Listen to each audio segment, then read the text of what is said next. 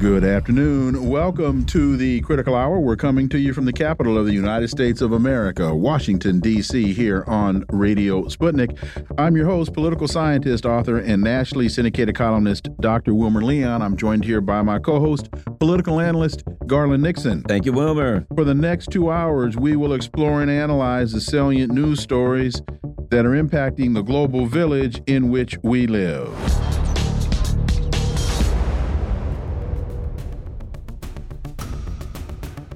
Hundreds of U.S. officials have signed a letter opposing President Biden's Israeli policy. Joining us now to discuss this and more, we've got Robert Fantina. Robert is a journalist and Palestine activist.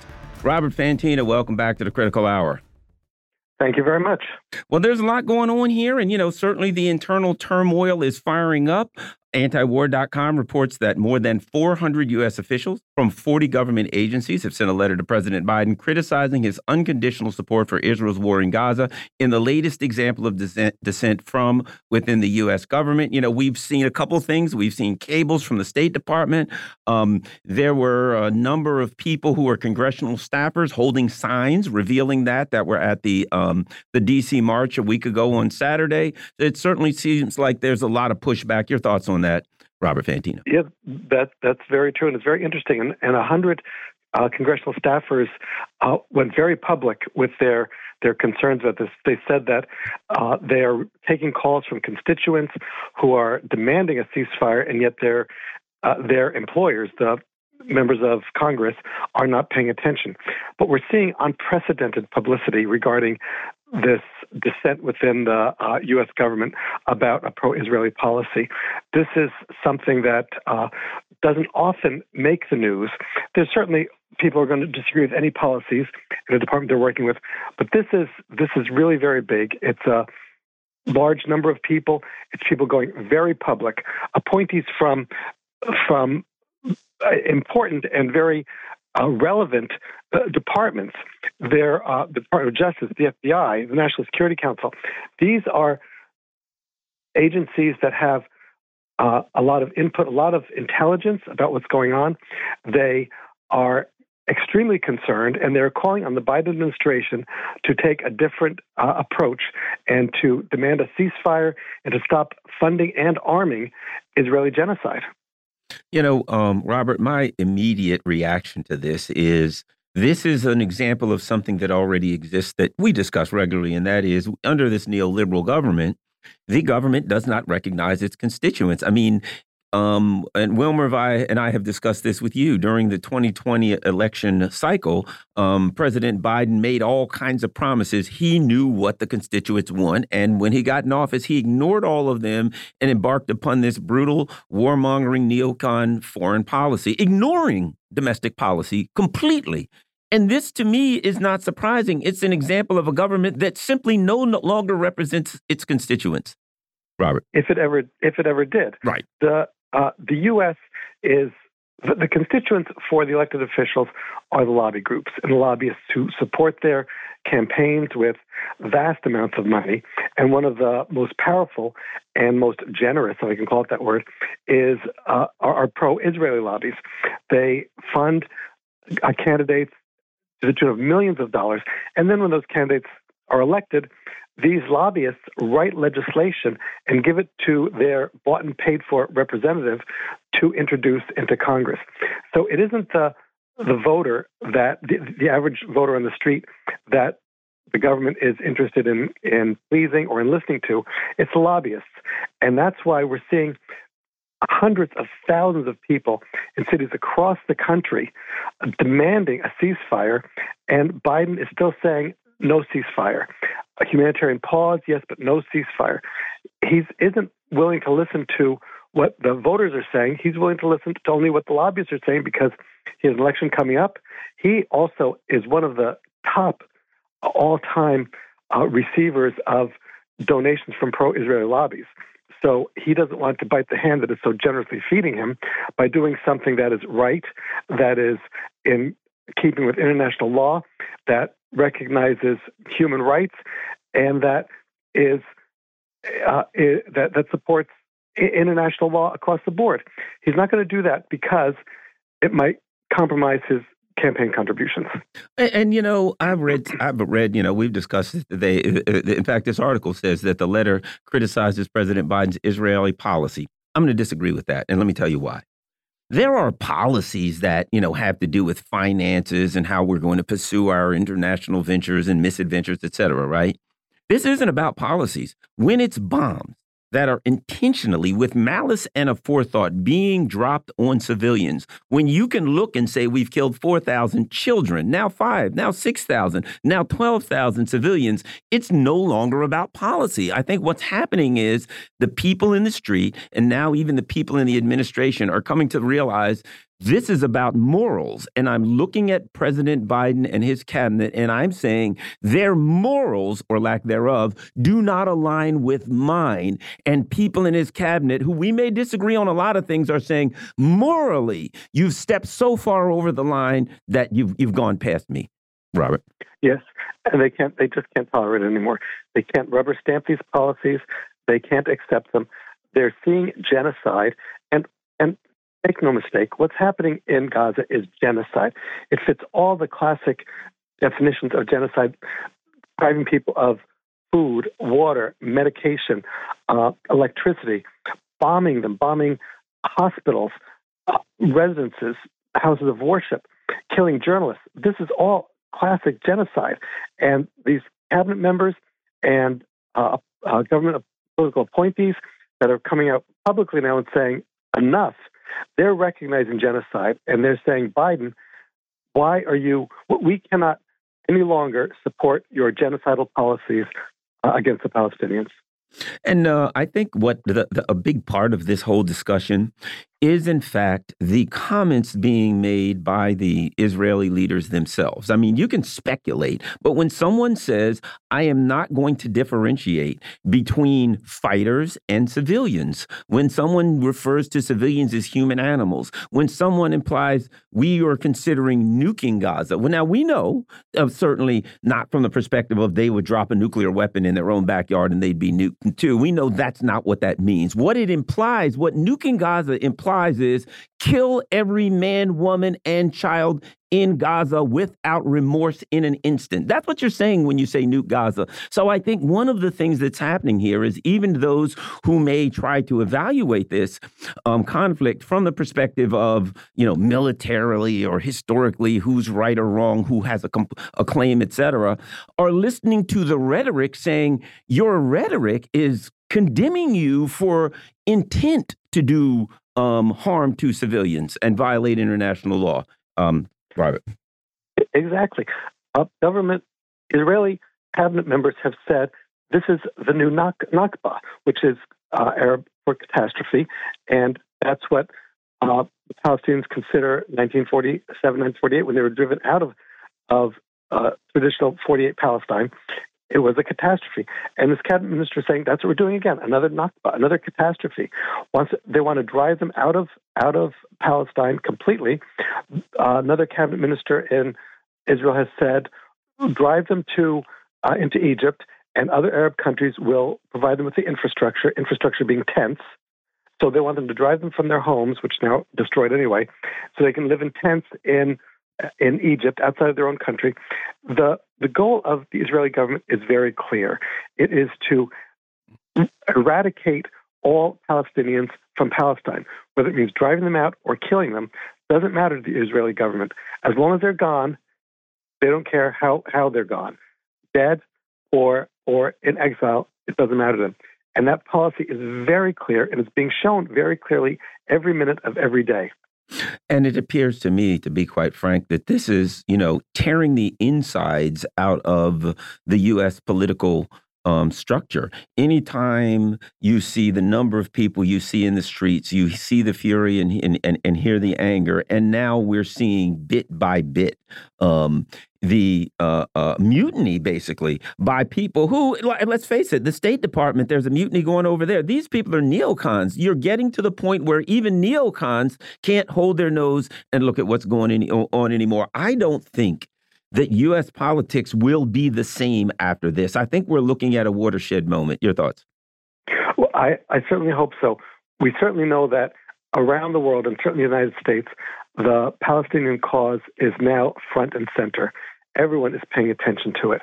Uh, countries around the world, some governments are calling for a ceasefire, some governments are calling for uh, the Israeli government leaders to be charged with uh, war crimes and crimes against humanity.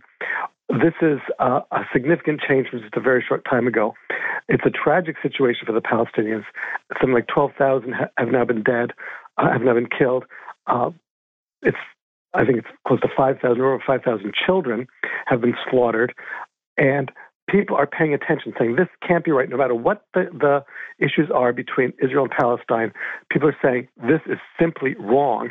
And it may reset the political atmosphere in the United States. Now, of course, the Republicans and Democrats are both generally run by Zionists.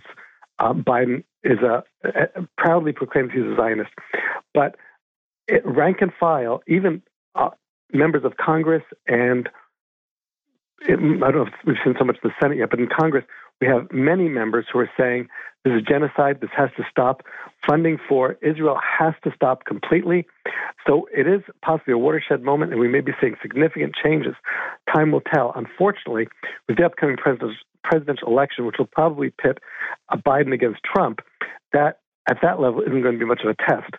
But we'll see see how uh, other other elections uh, down ballot play out.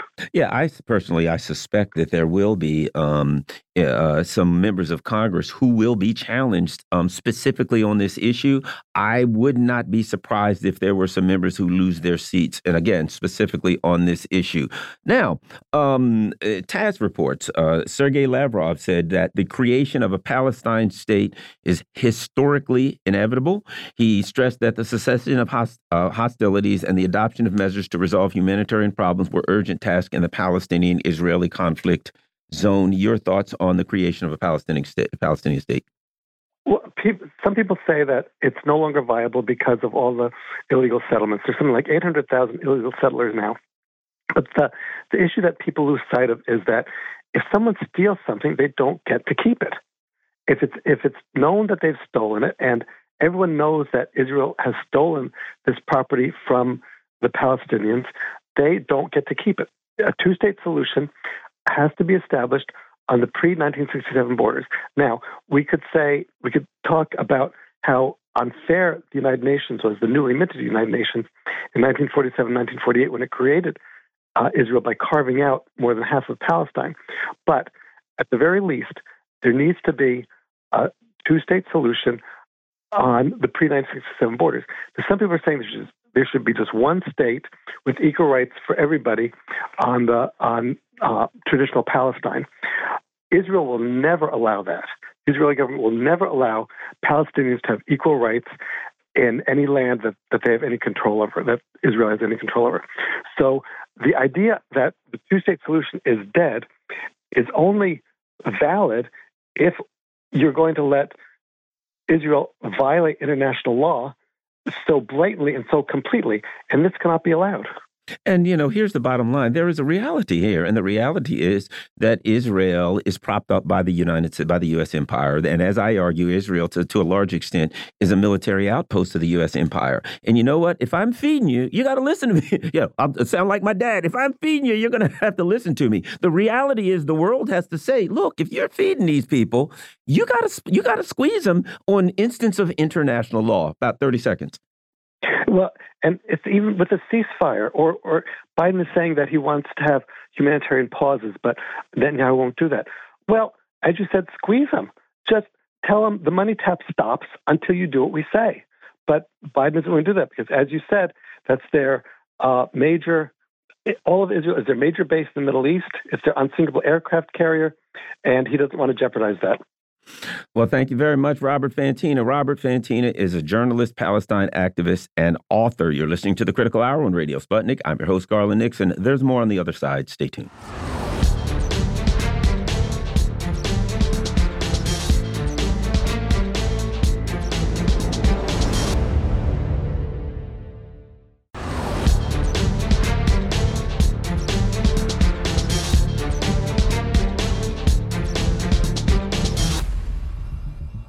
We are back, and you're listening to the Critical Hour on Radio Sputnik. I'm your host, Garland Nixon.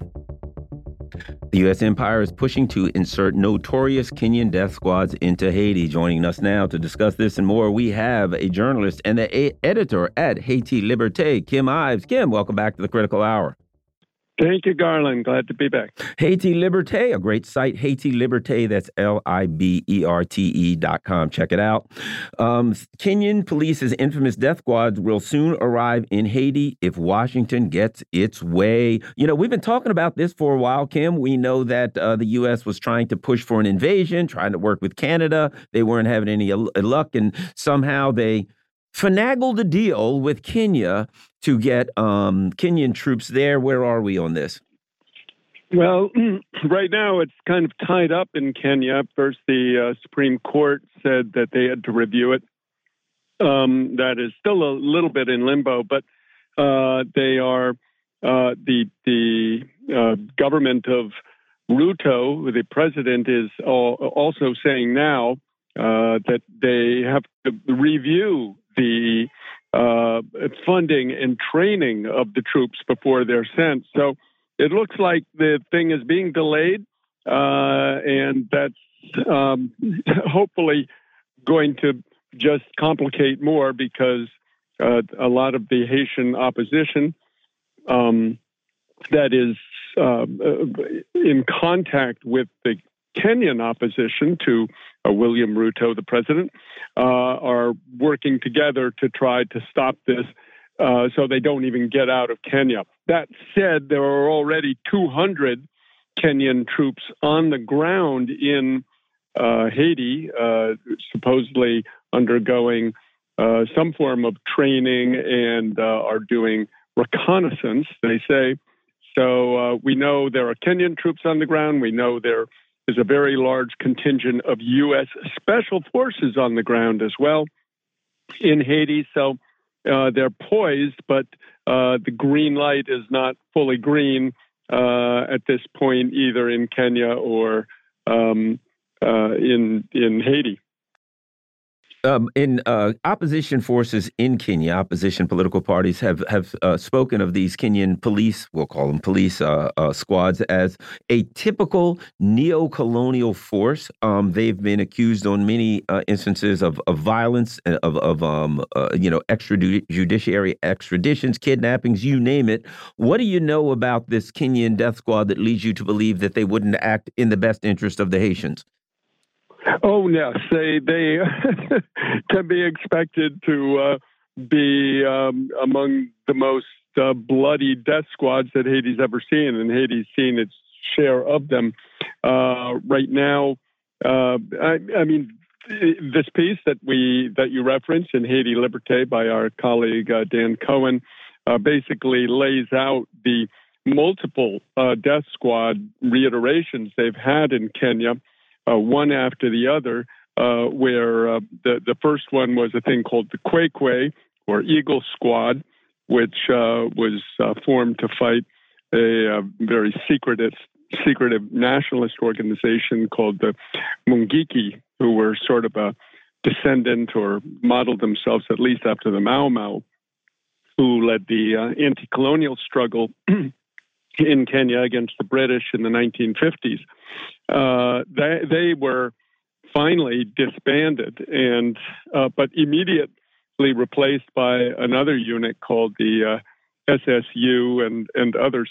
So uh, uh, uh, following that, so they all um, have the, the, same track record of basically kidnapping people, mostly opposition figures, uh, uh, machine gunning them in the street. The, the, the, the, the piece in Haiti Liberté shows one of the uh, principal human rights organization leaders who was uh, just back from delivering a report about these death squads to uh, the UN, and he was machine gunned in his car, uh, just like that. And the, these these death squads are not just the the uh, concern of human rights organizations. I mean, this is the UN itself, which is saying they have serious concerns about these death squads that function in Kenya uh, and uh, have uh, gotten various UN committees to be looking into the matter of these death squads. So now this is the very same uh, government and death squads that they are sending to Haiti. And imagine this is in a foreign country, a country where they don't speak the language, Creole, uh, where um, they are, God knows what sort of uh, orientation they're given uh, about Haitians. And so if, if they're willing to do this kind of atrocity to Kenyans, you can imagine what they would do to uh, Haitians. So, yeah, I don't think the Haitians would see it very much in their interest to have them arriving. So let me ask you this then. So that gives me, you know, brings me to this question: Why? The the U.S. could, you know, the, the the empire could have all different kinds of groups there, various groups. They could maybe go to uh, again back to the UN and try to get a more reserved and uh, a genteel group of um of colonialist occupiers there, certainly. But why do you think they choose? Because it, it seems obvious. Why would they intentionally choose such violent groups for Haiti? Well, you have to remember that Kenya is uh, one of the largest recipients of U.S. foreign aid and a top recipient of U.S. military aid in Africa. It is Africa's Israel, if you will. Uh, for uh, it is the U.S.'s Israel in Africa, uh, uh, we could say. They are um, very gung ho. The Ruto, uh, William Ruto, is is just the most in in Creole we say jeshesh, which means dry eyed, which means he can lie with a straight face. And so he'll talk about Haiti's fight against colonial oppression, and yet he lends himself immediately to this neo colonial scheme. And uh, so he is really without shame. Now, it has to be said the U.S. did first try to get Canada to step up. They demurred. It tried to get Jamaica to step up. They demurred. So essentially, they turned to Kenya. Uh, and uh, apparently, as I might have mentioned on this show, we uh, interviewed a um, um, guy who works with the DIA and CIA in Haiti, and he claimed that uh, his information is that they got a $50 million bribe. This is on top of the $200 million that uh, would be spent for the functioning of this MSS, as it's called, uh, in Haiti. That is this uh, UN deputized, and it has to be emphasized over and over again. This is completely uh, illegal according to the UN Charter. Uh, but this uh, um, multinational uh, support, security support mission is outside of the UN Charter. It is not under the governance and oversight of the UN Security Council. It has simply been deputized by them and so it's something being done on the side by the Kenyans and above all by Washington, which is the Kenyans' boss.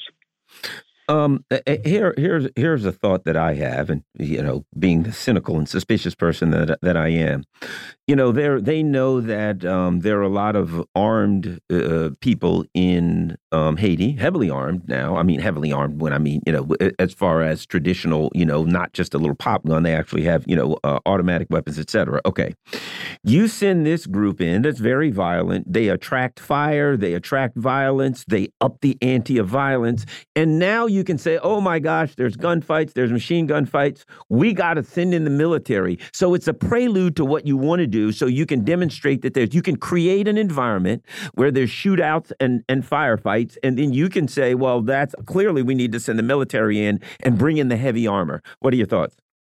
Right. I, I totally agree. I think that um, should the Kenyans get in trouble, and there's all indications that they would, because they are not going into the Haiti of 1994 or of 2004, the dates of the last two foreign military interventions. Uh, right now, you have a heavily uh, militarized and uh, uh revolutionary minded uh, populace, which uh, is very clear on the real purpose of this. And again, to reiterate, the real purpose is to put in place an elected, quote unquote, elected government in Haiti that will invite the U.S. to insert its Global Fragility Act, which is essentially to put U.S. troops on the ground in Haiti with bags of USAID grain on their shoulders.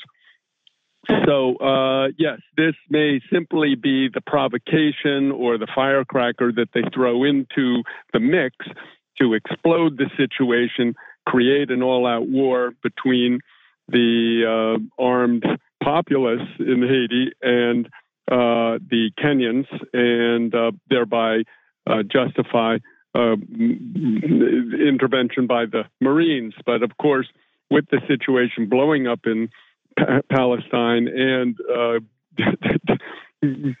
collapsing in uh, Ukraine, the U.S. may find itself uh, may find its plate too full. So, Ghana's, um, pres uh, Ghana's president on Tuesday called for a united front with African leaders on demands for reparations for transatlantic slavery and colonial era damages. He says that some Western leaders have acknowledged the wrongs of colonial era in Africa and some museums have begun to uh, return stolen Africa's, uh, uh, excuse me, African treasure and artifacts. But the concept of paying financial reparations um, remains vague. Your thoughts? Uh, well, yes, this is, and again, it should be re repeated that this was really pioneered. This whole movement for reparations was pioneered by Haiti in 2003 when uh, President Jean Bertrand Aristide uh, called on France to pay reparations uh, for the what was called the in, independence debt, where France took um, million, billions of dollars, uh, the equivalent today of about 21 billion dollars, in uh, uh, reparations from Haiti uh, because of its slave successful anti-slavery revolution.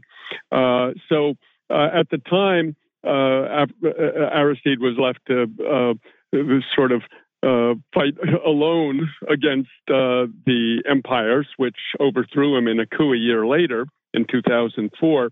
But following that, following that, CARICOM came and asked for reparations. Now we see Ghana, we see uh, Ghana's president Nana Akufo-Addo uh, calling again, once again, for reparations for slavery, and it, it, it, it, it strikes me, Garland, that it's really funny because a lot of people say, well, we're not responsible for slavery, you know, in this generation. Um, saying uh, we didn't do it, uh, you know, our ancestors did it. Okay, you don't want to take the blame. That's one thing, but why do you say you have to keep the spoils of that slavery? If if, if you're not going to take the blame, you got to give back the spoils too. So, uh, you know, you can't have your cake and eat it too there should be reparations at the very least, and not just uh, these moral apologies, which is what the French president said uh, to uh, Haiti after Haiti called him out and said, "Okay, you agree it was a crime, then let's pay the reparations." And he said, "No, no, it was a it, it was a moral apology, not a financial one."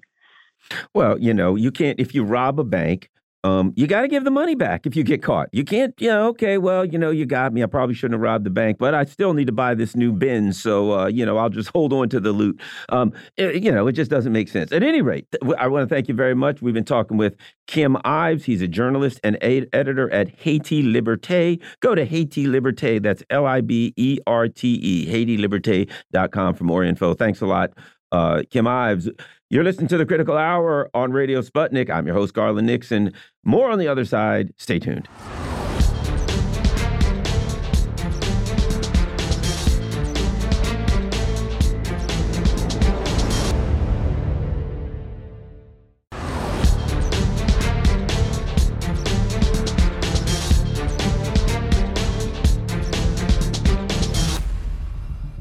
We are back, and you're listening to the Critical Hour on Radio Sputnik. I'm your host, Garland Nixon, uh, doing double duty and standing in for my co host, Dr. Wilmer Leon, who will be back late in the week. President Xi and President Biden are meeting in California to discuss the future of relations between the two world powers. Joining us now to talk about this, we got George Koo. He's a journalist, a social activist, an international business consultant, a chemical engineer, and uh, a great player of pickleball. George, welcome back to the to the Critical Hour. Hey, thank you, Garland. I'll, I'll share my endorsement uh, contract with you when the pickleball players come calling. Uh, well, well, I'm looking out for the. Uh, I'm looking out for my letters from the National uh, uh Pickleball Players uh, Union. right. All right. So we've got the big one now. President Xi, President Biden meeting. You know, um, eh, you know, you say one thing and you do another. We hear, you know, lately we've been hearing from various members of the Biden administration. Yeah, we got to turn down the volume a little bit. Yeah, perhaps we need to, uh, you know, straighten things out a little bit as they fly nuclear bombers around the border of China. We got to build more missiles. All the discussion is about war and preparation for war with China. At the same time, we hear the the occasional, yeah, maybe we ought to turn this thing down. Those things don't really seem to match that well, George. Yeah, I, I think you're right, Garland. This this reminds me of the saying that uh, uh, "Fool me once, shame on you; fool me twice, shame on me." And uh, certainly, the the Biden White House is saying, "Oh, we gotta go back to the the the, warm fuzzy feeling that we uh, after the summit meeting in Bali uh, a little over uh, a little over a year or about a year ago. Well, as you as everybody might remember, after the Bali warm and fuzzy meeting, and Biden and Xi promised to uh, to uh, resume the friendly relations the U.S. promptly turned around, did exactly the opposite, uh, imposed sanctions, stopped selling uh, technology products, including the semiconductor ban, um, talked about ending the, the, the tariff trade war, but did nothing, and, uh, and on and on it goes. But so why are they tr- starting all this effort to resume, hopefully, another Bali-like meeting? Well, I think part of it is um, certainly motivated by cosmetics. Um, I think the American public is getting a little skeptical and tired of all the all, the Biden's um, you know paddling in the water and going nowhere situation, and the relationship with China is not improving, and it's the attack on China is not winning American any uh, any advantages or momentum. So they think they should, as you say, t- turn the temperature up a little bit. Um, I think on the China side, they will be skeptical and they will not come away with the, the rosy, fuzzy feeling unless, as a result of the four hour meeting that's happening today as we speak, actually ends up with some concrete results. And all that concrete results is going to have to come from the U.S. side because the U.S. has been the one that's initiated all the hostility and all the suppression, all the sanctions, all because the U.S. can't stand the idea that the China economy actually surged past the United States that seems to be an idea it's very hard for Washington to uh, to accept. And you know, here's what comes to mind when uh, when uh, even in our discussion recently, you know, you had the JCPOA and the U.S. just unilaterally back out of it. Recently, you had the United States make a deal with Iran where we were going to um, exchange prisoners, and Iran was going to get a certain amount of their money back. The prisoners were exchanged, and now the U.S. says, "Oh, we can't give them their money back because of uh, you know Gaza or whatever." So they backed out of that. You have Minsk one, you have Minsk two. When you look at the history of these neocons it's easy for them to make a deal. They are really good at making deals. And I this is the way I put it. If I'm not planning on keeping my word, I can offer you anything. So the idea, the concept of making a deal with people who have a history of breaking every single deal they make seems to me that that would be on the forefront of the minds of the Chinese diplomats. George. Well, now, I, I, yeah, I think uh, not only the Chinese, but probably everybody in the world that's seeing what's happening I mean, the Uncle Sam has increasingly is becoming increasingly unreliable. Nobody can, you know, if you trust their word, you're at your own peril because you're going to be disappointed, and at at the most you're going to get disappointed. At worst, you're going to end up being stabbed in the back, and and uh, that you just can't keep that going around and around and maintain your credibility, and that's the the world situation that the United States is in. I'm looking at um, a Sputnik's article, and here's here's and now uh, you know I, I don't even know what to say about this one, but uh, uh, uh, there's one topic that jumps out at me. According to the White House, Biden will bring up top topics such as trade, okay, China-Iran cooperation, okay, and human rights concerns. The United States right now is actually going to bring up human rights concerns to China. What are they going to say? You're genociding Muslims. And hey, you know, we're against that one, George. I, uh, the gall that it would take them to bring up the issue of human rights concerns with anybody right now is absolutely stunning, George. Right. Well, I think they can they can make that human rights discussion with a straight face because before the APEC summit, San Francisco clean up all the streets, a spick and span, and all the homeless people have been. I don't know what happened to them, but they're not hanging around on the streets anymore. So San Francisco is actually quite clean and can claim to have no human rights abuse at home. Mm, what happened to the uh, you know when you said I don't know what happened to the uh, um, to the uh, people in San Francisco I thought to myself Soylent Green is people. I saw that movie. I saw that movie. Um, speaking of which, the APEC summit in San, in San Francisco is, has been, according to People's Dispatch, has been met with mass protest against imperialism and in support of Palestine. Tens of thousands take to the street in protest. It seems to me now that with the way protests are firing up about the Middle East. There is an awakening in America, a protest awakening, a recognition that their government is not acting in their best interest, it seems to me, uh, George. Yeah. Well, certainly um, the, um, the, uh, the pro Palestinian protests that's going on around the country and, and very visibly at the APEC uh, conference is should have Biden worried, excuse me, because the young people has been the bulwark of um, Biden's support. You know, if if Trump has his core, Biden's core was were the young people. They voted for him. Uh, but now a lot of them are changing their mind and having rethought about it because of the unilateral stand that Biden has taken in support of Israel. Yeah, I think I think you were right. But speaking of uh, of of you know getting back to the the, the uh, economic part of this, uh, Naked Capitalism, which is a great uh, uh excellent site, they've got a great article. Biden new Cold War weapon in the Indo-Pacific backfires, and uh, they're talking about the newest version of the uh, the TPP, and um, basically they're saying that their their their Indo-Pacific frame, framework for prosperity. And the problem they have, again, if you're going to a bunch of people saying, "Let's put together a deal, let's all work together so we can." Uh, uh, defeat your number one trade partner. Um, the fact of the matter is, the U.S. is proving to be unreliable, and that seems to be kind of collapsing. Also, your thoughts?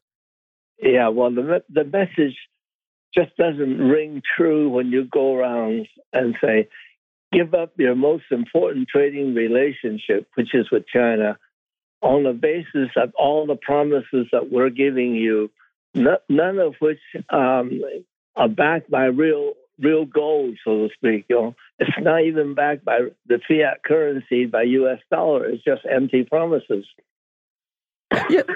so good. So it's not gonna. It's not gonna change the needle in, in any way.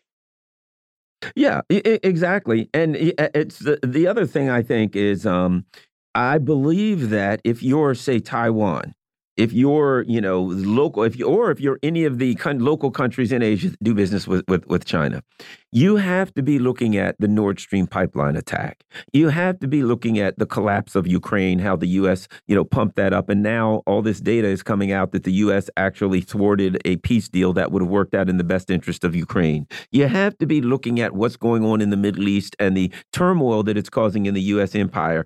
If you are considering any type of economic, cultural, or any other kind of partnership with the United States right now, you have to be aghast at the results of their current partnerships and so-called allies. George. Well, I, I agree with everything you've said, Garland, and I'm um, and I'm not sure how many are still standing by the U.S. Um, I guess the ones who are uh, maybe Australia, maybe Japan, um, they seem to feel that the security blanket as promised by the United States is more important to them than the, continuing economic well-being and growth.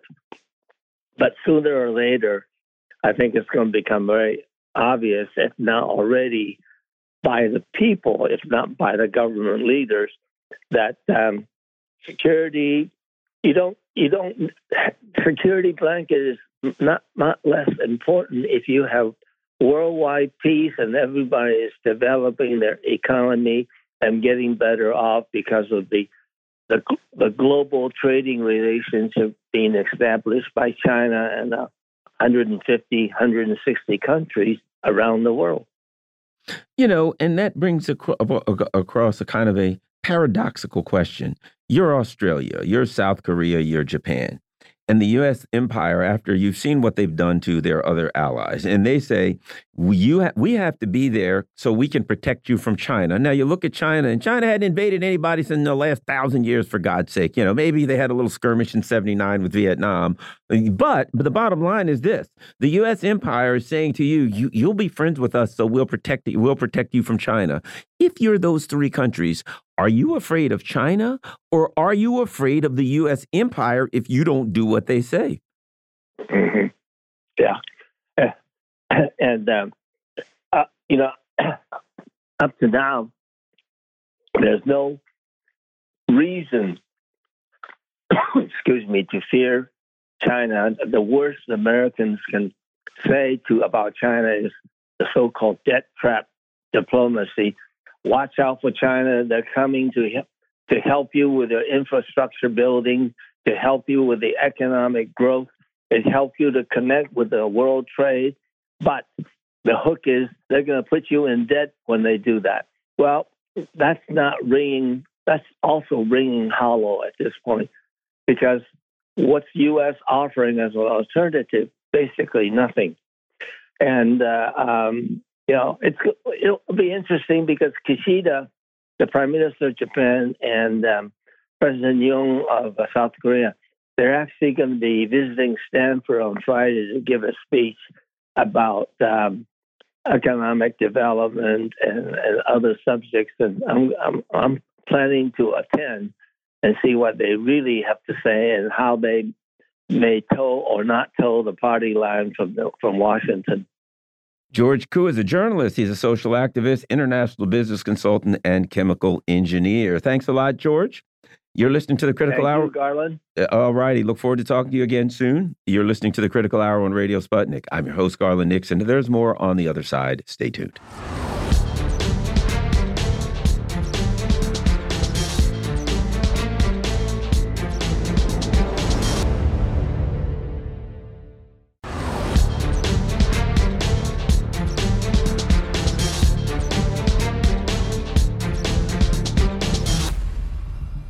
We are back, and you are listening to the Critical Hour on Radio Sputnik. I'm your host, Garland Nixon. Political instability in Kiev is driven by contradictory messages from the U.S. empire. Joining us now, we've got Mark Sleboda. Mark is a Moscow based international relations security analyst. Mark, welcome back to the Critical Hour. Garland, thanks for having me. It's always an honor and a pleasure to be on the Critical Hour. Oh, great. Glad to have you back, uh, Mark, to unravel this paradox, right? So, uh, antiwar.com has a great article called uh, the the the uh, Zelensky paradox by Ted Snyder, and I, am sure that has to do with some very interesting information that has come out recently about the negotiations between the U.S. excuse me between um, Ukraine and um, Russia shortly after the special military operation. Um, uh, started, um, and uh, that at that time they had a deal, and Vladimir Zelensky was willing to do a deal, and apparently uh, that was thwarted by the empire. Your thoughts on this new info that's coming out, and uh, your thoughts on this article, Mark? Yeah, actually, I don't agree with that take at all. I know it's a, a common uh, argument to make that uh, the Kiev regime was ready to sign on the dotted line with everything that Russia wanted, but it was only uh, Boris Johnson and uh, on a trip in the U.S. that held him from doing it no, I, I, don't think that that was actually the way it happened at all. We have heard directly from the Kiev regime's uh, military intelligence director, Kirilo Budanov, that the Kiev regime never had any intention of signing any uh, peace agreement with Russia. They were simply playing for time while they rearranged their forces, convinced Russian forces to pull back from Kiev, and got guarantees of the military forces that they would need to go on the offensive from the US and the UK. But regardless of that, they were never intending to give up. And considering the regime's history with the Minsk agreements and the February 21st agreements and everything else, I don't think that there's any reason to uh, you know, uh, assume that uh, they were ready to negotiate uh, Zelensky or otherwise. You know, I'm going to, uh, uh, there are a couple of things I think that actually support that. One being that it's hard to believe, knowing that the U.S. literally overthrew the government and installed the puppets there, that anything was going on in those negotiations that Nuland et al. didn't know about. If they were going in in the morning and talking in the afternoon, everything that was said that day was discussed with the neocons, and anything they were going to say the next day was cleared. So the idea, I guess, that they they made this deal. The U.S. didn't know about it, had no idea what was going on, and then after after the U.S. found about, out about it, after it was all signed, of course, the secret negotiations. Who knew about those? That then the U.S. stepped in and said, "Oh no." And particularly in light of the types of people that they put in power intentionally in Kiev, aren't the type of people that you're going to get a deal with, Mark. Yeah, and it has to be said that one of the Kiev regime's peace negotiators at that time, Denis Kireev, maybe he actually um, uh, was interested in peace negotiations, and he was assassinated by the SBU in broad daylight in Kiev, as even the Western mainstream media uh, has admitted. And one of the other of the main peace negotiators, Rustem Umerov, is now Zelensky's new uh, minister for defense. Uh, so these don't actually seem like people that were seriously uh, involved uh, in uh, uh, peace negotiations. And uh, I, I, we we know from uh, the Western mainstream media reporting last week uh, from from the Washington Post that the U.S. CIA essentially uh, came in, took over the Ukrainian intelligence agencies, particularly the military intelligence agency, but also the main intelligence agency as well, and refashioned them from scratch in their own image. So, yeah, I don't believe that there was anything that the U.S., but still, um, I mean, there there is a question that the U.S. is seemingly there does seem to be evidence that that the U.S. is lost confidence in Zelensky, that they think uh, that he is uh, unsound to lead them forward. He wasn't following their military plan uh, for uh, the offensive. He was diverting forces off to the conflict in the east because he refused to give up territory. And there are signs uh, that, uh, you know, however much they may have built him up as this uh, almost um, fantastical figure with propaganda, uh, but now they may, you know, the, the Western mainstream media, we've seen articles from Time quoting his own officials who call him delusional, um, and and a host of other unflattering uh, portrayals of him that have suddenly emerged. And that is a paradox. That is uh, a a complete contradiction from the way they were presenting Zelensky just a year ago.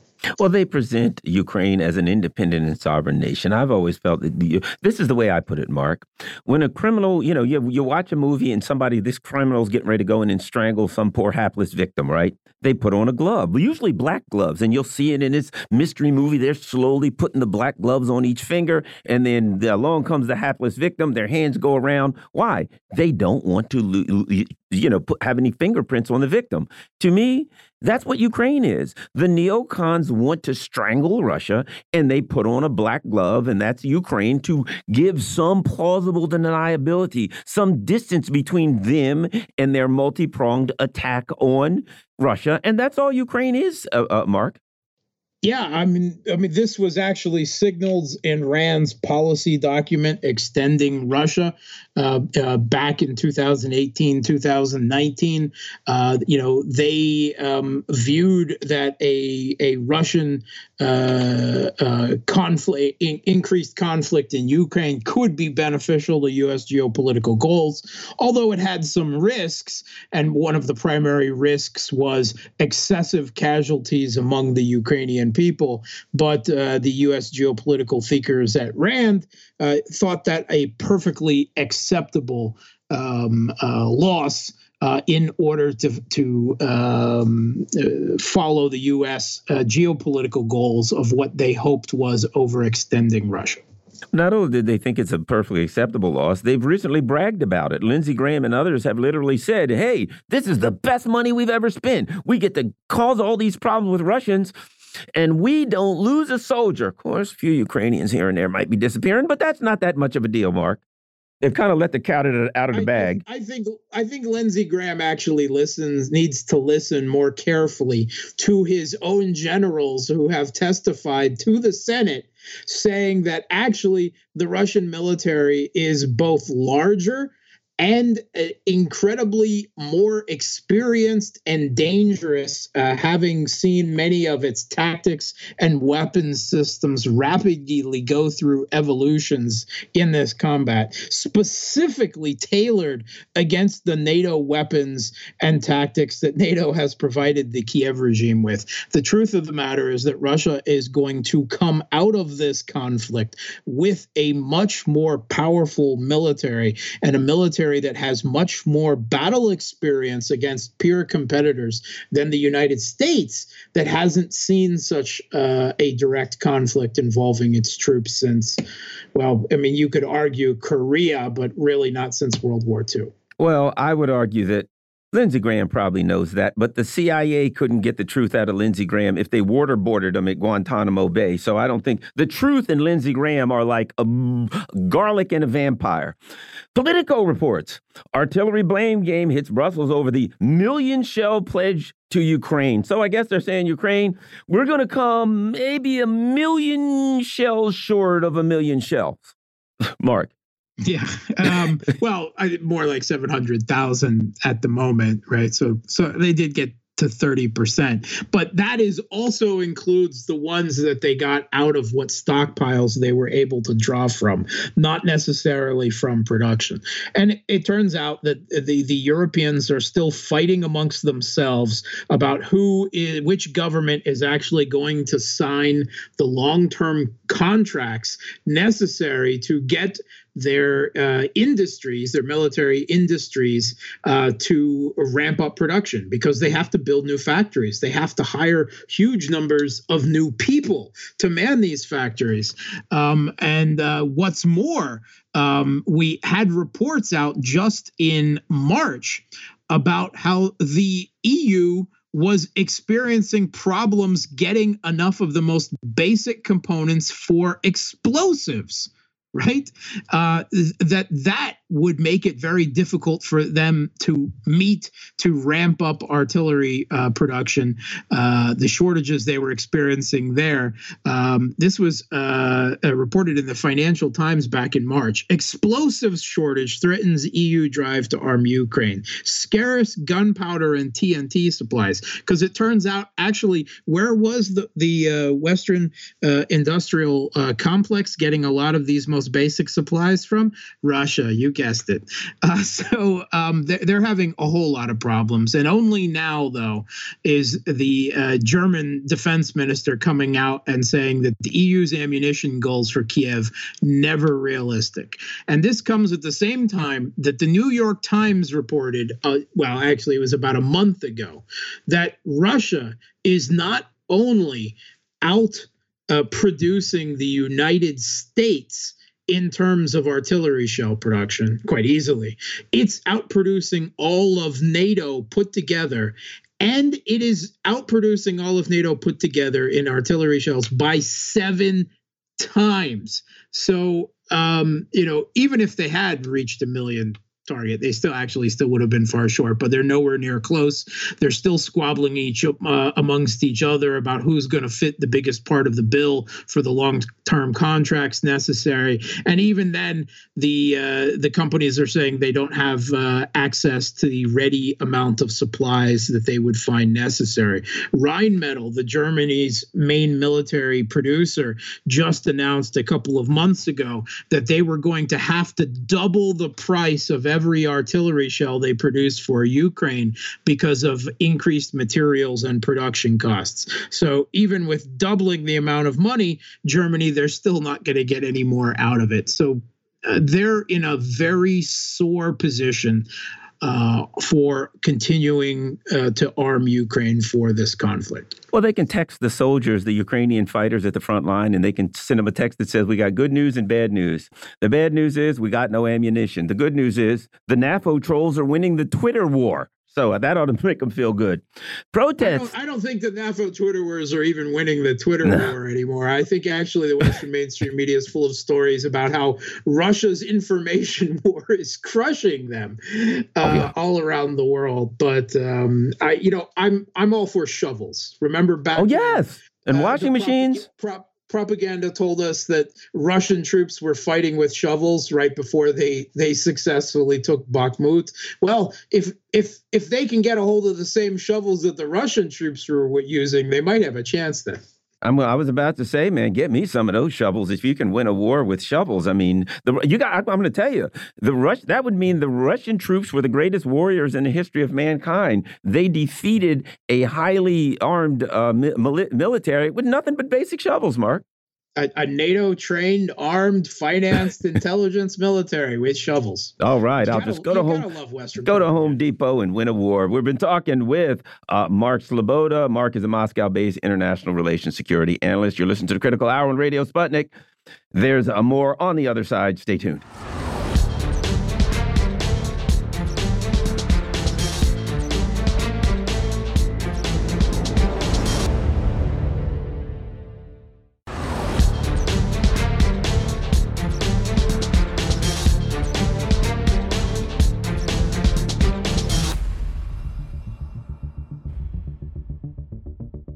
We are back, and you're listening to the Critical Hour on Radio Sputnik. I'm your host, Garland Nixon. President Trump has cleared another legal hurdle in his bid to unseat Joe Biden in 2024. Joining us now to discuss this, we have Craig Jardula. He's a co-host of the Convo Couch and AM Wake Up on Rokfin. Craig Jardula, welcome back to the Critical Hour. How you doing there, Mr. Garland Nixon? Great to hear from you. Always a pleasure. I understand you're doing one or two more things online, Craig. You're just getting to be a you're getting to be you're getting to be the big cheese. I'm kind of standing in your shadow online. What else are you up to these days, Craig? Well, I don't know about that. I heard that you were uh, going to be talking at an event, and they asked me to come be in it, and I went running out there and said, Garland Nixon, oh hell yeah, sign me up. So I'm still trying to follow in your uh, your footsteps, my friend. But yes, I am starting my own new. Uh, channel uh, because uh, you know with our schedules going so crazy over here with Fiorella being in Moscow all the time, we wanted to have some other avenues to show some of the other content uh, we wanted to produce, including what I always experience when I go to these countries to observe these elections. You know, the food, the culture. Uh, so I figured I'd start my own uh, show called Pasta to Go, and that's the number two, and that's what we got rocking now. Awesome, awesome.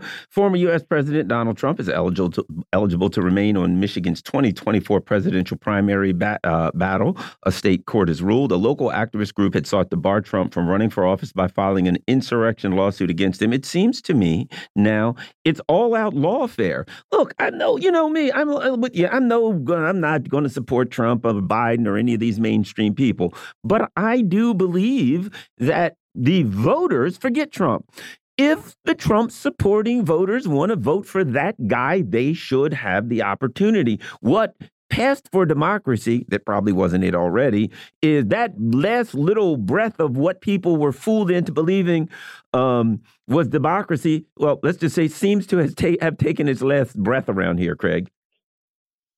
Yeah, I mean, uh, I got a little crazy about the same situation, very similar that happened in Brazil, where recently the Brazilian courts punished Bolsonaro by not allowing him to run in the next two elections without even finding him guilty of anything. I mean, it, looks like you're guilty is to prove innocent nowadays.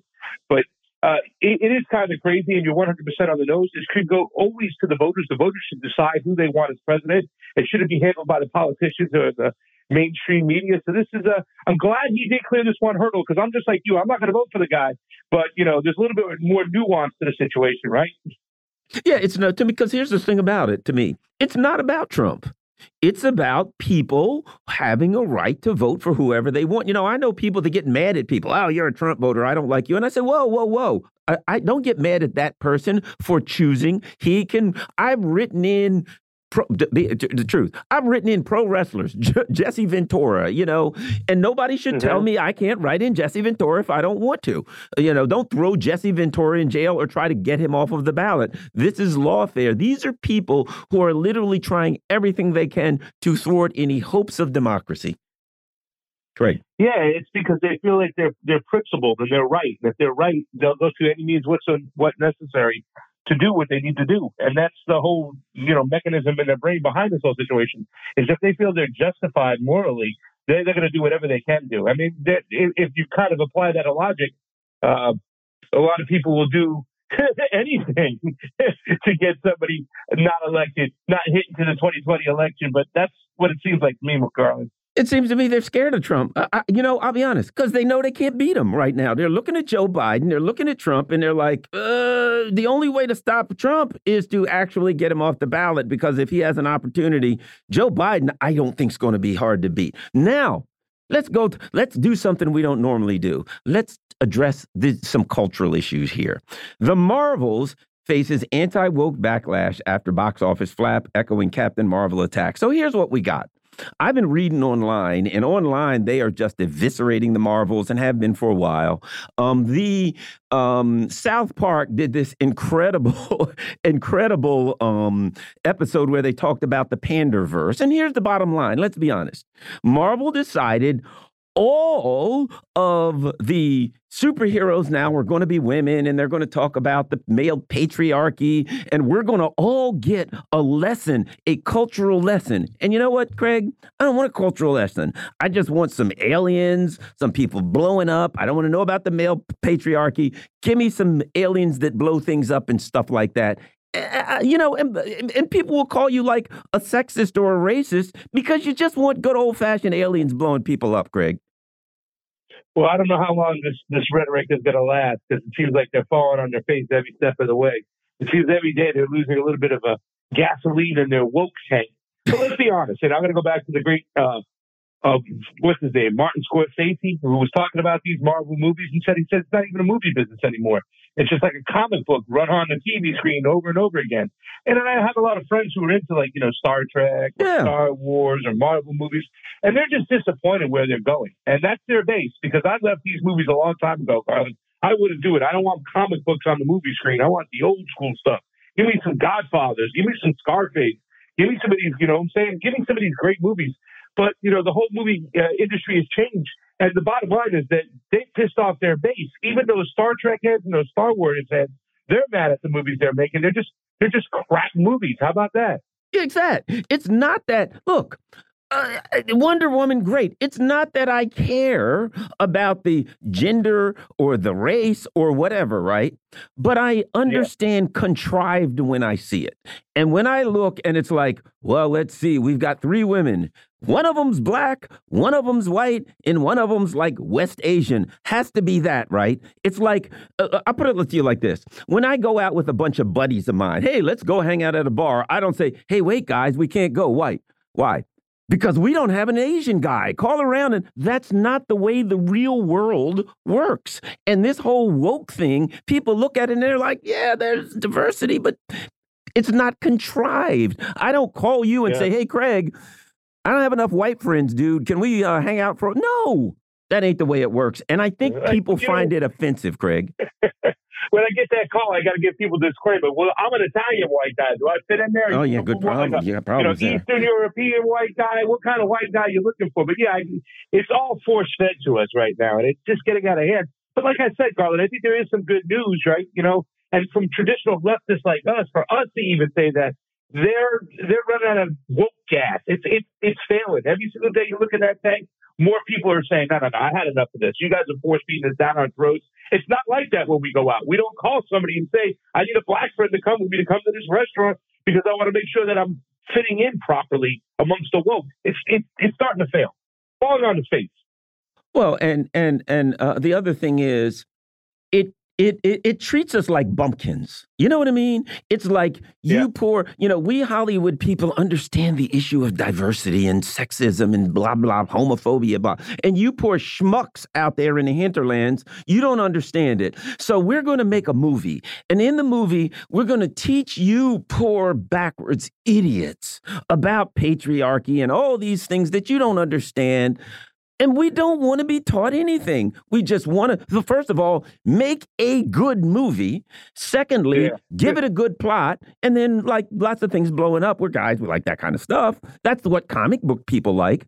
But it's it's um uh, kind of condescending in that it implies that they're smarter than us in Hollywood and they have to teach us something and bring us up to their cultural level level. But that's just the weaponization of it, right? Because we understand where it comes from. All these cultural issues come from the top. Why? Because it pits people at each other. It's divisiveness. That's what they want. If you can look at your neighbor and point at your neighbor and say, that's my problem over there, that person's not diversified, that person's not using the proper pronouns, that person hates gay people, that person's not open to you know, transgender children or whatever, then you're fighting each other, neighbor and neighbor. It's all about divide and conquer. All this culture war BS comes from the top. And it comes from the top for a reason. It's to keep the people divided. So if they can implement, it in our everyday spaces, if they can implement it in our schools, for crying out loud, implement it in our movies for quite some time, but they're going full throttle with it, then they can weaponize it to the, to the degree and keep us pitted at each other. I think, though, I think, I have a feeling just not falling for it anymore. Well, you know, if they really want diversity, here's my uh, thoughts. Let's do a commercial in a homeless encampment. How about that? How about we do a commercial yeah. where we're in a homeless encampment and people are suffering and there's drug abuse and they're stepping over some poor schmuck that just died because he couldn't get his blood pressure medicine or something like that. You know, in these advertisements, there's diversity, but everybody's happy and joyful and they've got all of these nice clothes on and things like that. They don't show the pain and poverty. How about that kind of diversity, Craig? Yeah, I know. Uh, I say it all the time. You know, when people talk about privilege and whatnot, I said, "Do you think that homeless encampment over there? Do you think that white guy's got privilege? You know what I'm saying? Does he have privilege? He's on the streets and stuff. And you'll hear people that go as even far as like, well, yeah, he even has better advantages as a homeless white person than he does a homeless black person. Like you'll hear that out there. It's just mind-boggling, but you're right because it always goes back to one thing: class, right? Where we're living. You said something earlier in the show. You said, you know, even white people don't even have it fair you're, you're right. There's a lot of people. The majority of white people, they're poor. They're home. There's a lot of homeless white people out there. So you hit it right on the nose, Garland. Well, it doesn't it come back to what we discuss, and that is time and time again. You know, people like us, we have the discussion of economic class, of poverty, of money being concentrated in the hands of a few people with this neoliberal capitalism. And all of the rest of us, they set us against each other to fight over these things. And don't get me wrong, they're real, true issues of race and sex and gender. Those things exist. But unfortunately, by the rich and powerful, they were they are used to separate us so we won't come together and say, hey, you know, I'm a black person living next to a white person living next to some Latino person. We all, our kids need schooling, we need jobs, we need health care, we need college, blah, blah. We need the same things, but we're so busy fighting over these other things that we don't have time to figure that out, Craig. Yeah, I mean that's that's the plan. It's it's divide and conquer. And I mean, we got to do what we can do just to push back against it. And I, you know, listen, I've been really proud to see what's been happening in the streets nowadays. I think it was the last time I was on your show. I talked about how proud I am because you're right. You know, there's, I mean, who's really, we have to, we have to be concentrated on, if we're looking at racial issues, we have to be concentrating on who has power. Is the power of this guy that, you know, the stereotypical mind of a, of a white guy uh, drinking a Meister Brau with a "Make America Great Again" hat on on his porch that uses wrong pronouns and racist words. Is that really a threat to society? Is that what we have to really concentrate all our power and energy on? Or what we're talking about, what people are getting out of the streets for, right? What's happening in Israel and Palestine. isn't that more of a serious threat right there? a lot of people could say that's real racism, is what they're pointing to. So I think it's just concentrating and keeping our eye on the prize. But that's why these shows are great here, Garland, because you get people to think in the right direction. You know, they start to say, hey, maybe it's not my neighbor who's that problem.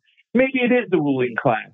Maybe it is about class. So, I mean, we just got to do what we keep doing because we know the mainstream media is owned by the the corporations, whatnot, and they want divide and conquer. They want a society that's split.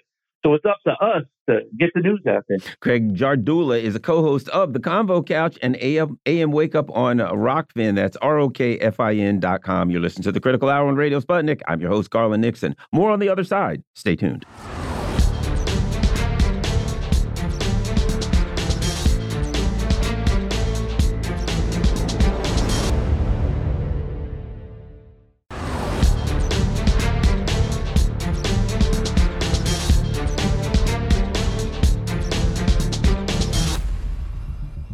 We are back, and you're listening to the Critical Hour on Radio Sputnik. I'm your host, Garland Nixon, doing double duty, standing in for my main man, Wilmer Leon, who will be back Friday. A former U.S. CIA boss is taking a job on the board of a major corporation in Ukraine. Joining us now to talk about this and more, we've got the one and only Jim Kavanagh. He's a writer at the polemicist, polemicist.net and Counterpunch. Jim Kavanagh, welcome back to the Critical Hour. Thank you for having me, Garland. Well, the more things change, the more things stay the same. Hunter Biden, well, okay, the current iteration of Hunter Biden is Mike Pompeo. He's uh he's now taken a job with a telecom giant VEON, which is out of Kiev. And you know, when you look at that, he's an he is um an independent, non-executive director. You know, I don't think he has any background in that particular field, but I get a feeling he's going to be heavily paid for his job there. Jim Kavanagh. Yeah, well, yeah, bipartisan corruption here.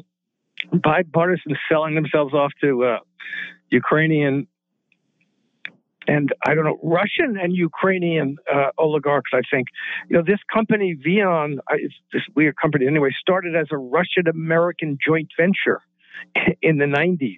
It eventually, over the sanctions, I guess, stopped its business in Russia. But, you know, it's one of these international org- corporations. And it's probably a, well, I can see what the what the logic here is. They're figuring out after this is over, someone's going to have to rebuild whatever rump Ukrainian state there is. They're uh, their wireless telephone system, and that's probably going to they're going to probably make some money on that. And why not get the ex CIA boss involved in it? You know, that's that's going to make sure they're going to have American backing and get American capital back into this. So that's the deal. You know, again, it's. Uh, uh, it's these international capitalist corporations for whom the war is an opportunity for profits, and they're, they're trying to stake out their position for future future profits in whatever Ukrainian rump state uh, survives the war. Might I add another cynical angle to this, Jim Kavanagh, as I am so wont to do? The CIA uh, communication hubs, telephones, things of that nature. Gee, it seems to me that they would have an interest in um, being part of an operation that was setting up communication hubs on the border of Russia. And of course, anybody who said anything at any time that they could possibly think about bugging. Would you really? I mean, think about it. Jim Kavanagh, you're starting a new uh, communications operation, and a, C a former CIA guy walks up and says, "Hey, Jim, you know, I'd love to be a part of it." You know what his game plan is, Jim, and it ain't that he's there to be to work in the mailroom, Jim. Yeah, look, they already have all this software, the Pegasus software, and everything else that can infiltrate your phone and not only spy on your messages, but on your phone. Vijay uh, in the next in part of the segment we're talking about, Vijay Prashad talks about that. You know, and of course, this is this is again, whatever this organization, this company is, VEON and its subsidiary Kyivstar, they're going to play along with the CIA. It's not just a, a, a a business investment for them, but it's an intelligence investment. They're saying to the American government, as I say, they're signaling we're going to play along with whatever intelligence operation you want us to play along with in whatever rump state uh, survives this war with Russia. Here's another thing, and this is why they can't touch Hunter Biden. This is why they they'll skate around the edges, they'll skirt around the edges, but we've got all kinds of information. Hunter Biden was involved in funneling money to the companies that were setting up these 46 quote bio research labs, right? So he's involved in that kind of money. It seems to me that old HB was um, involved in all kinds of chicanery that was involving um, laundering intelligence money and that and let's not forget on the board of Burisma with Hunter Biden was the former was Cofer Black who was a former um, one of the top people uh, guys in the CIA. So to me, when you look at this, they'll never touch touch Hunter Biden because this was not just a Joe Biden and Hunter Biden are going to fill their rotten little pockets with loot. It was also part of an endemic, ubiquitous corruption that is from corporations to intelligence to Congress to all of these politicians filling their pockets, Jim. Yeah, I, that's a very good point. You know, the Republicans are making political hay out of this, and we've got the goods, and we're going to show you, and we're going to give. But at the end of the day, I think you're right. They're going to withhold from any smoking gun, so to speak, against Hunter Biden, because they're going to be told by the intelligence agencies that Hunter, Hunter Biden was working with, and which they work with. you know, you, we can't open that can of worms. The can of worms uh, includes a lot of worms that that you're you're you're part of the worms in that can, and you all know it. And so you know, just you know, you uh, make as much political hay as you want with it between now and the election, but really, you're not going to go. You're not going to go down that road too far. You just can't. You know, it's it's silly. This is the business model and the and the the, the intelligence model. The, the, the, the this complex model of corruption and spying and uh, undermining and, and using states uh, as weapons. And uh, so they're not going to they're going to be they're going to protect the American intelligence agencies and the national security state's interest in this, which is bigger than the interests of Joe and Hunter Biden. Well, not only that, look, you look at the numbers, you look at whether it's Mitch McConnell or any of these people, right? You remember when COVID started and the stock market started diving, and we found out some members of Congress sold. But as soon as they found out what was going to happen, they sold, right? They have this operation going on where they can all where you get elected to Congress, you're there a couple years, you walk away with their, your salary for the rest of your life, you got your health care, you got everything, and you've got this system where you can funnel millions into your pocket. You don't want to mess that up, Jim. I think that's the other part of it. They don't have to say to them, "You're getting rich off this system and it's crooked." Don't screw it up. Do I have to tell the the people that are getting rich off the system not to do not to to screw it up?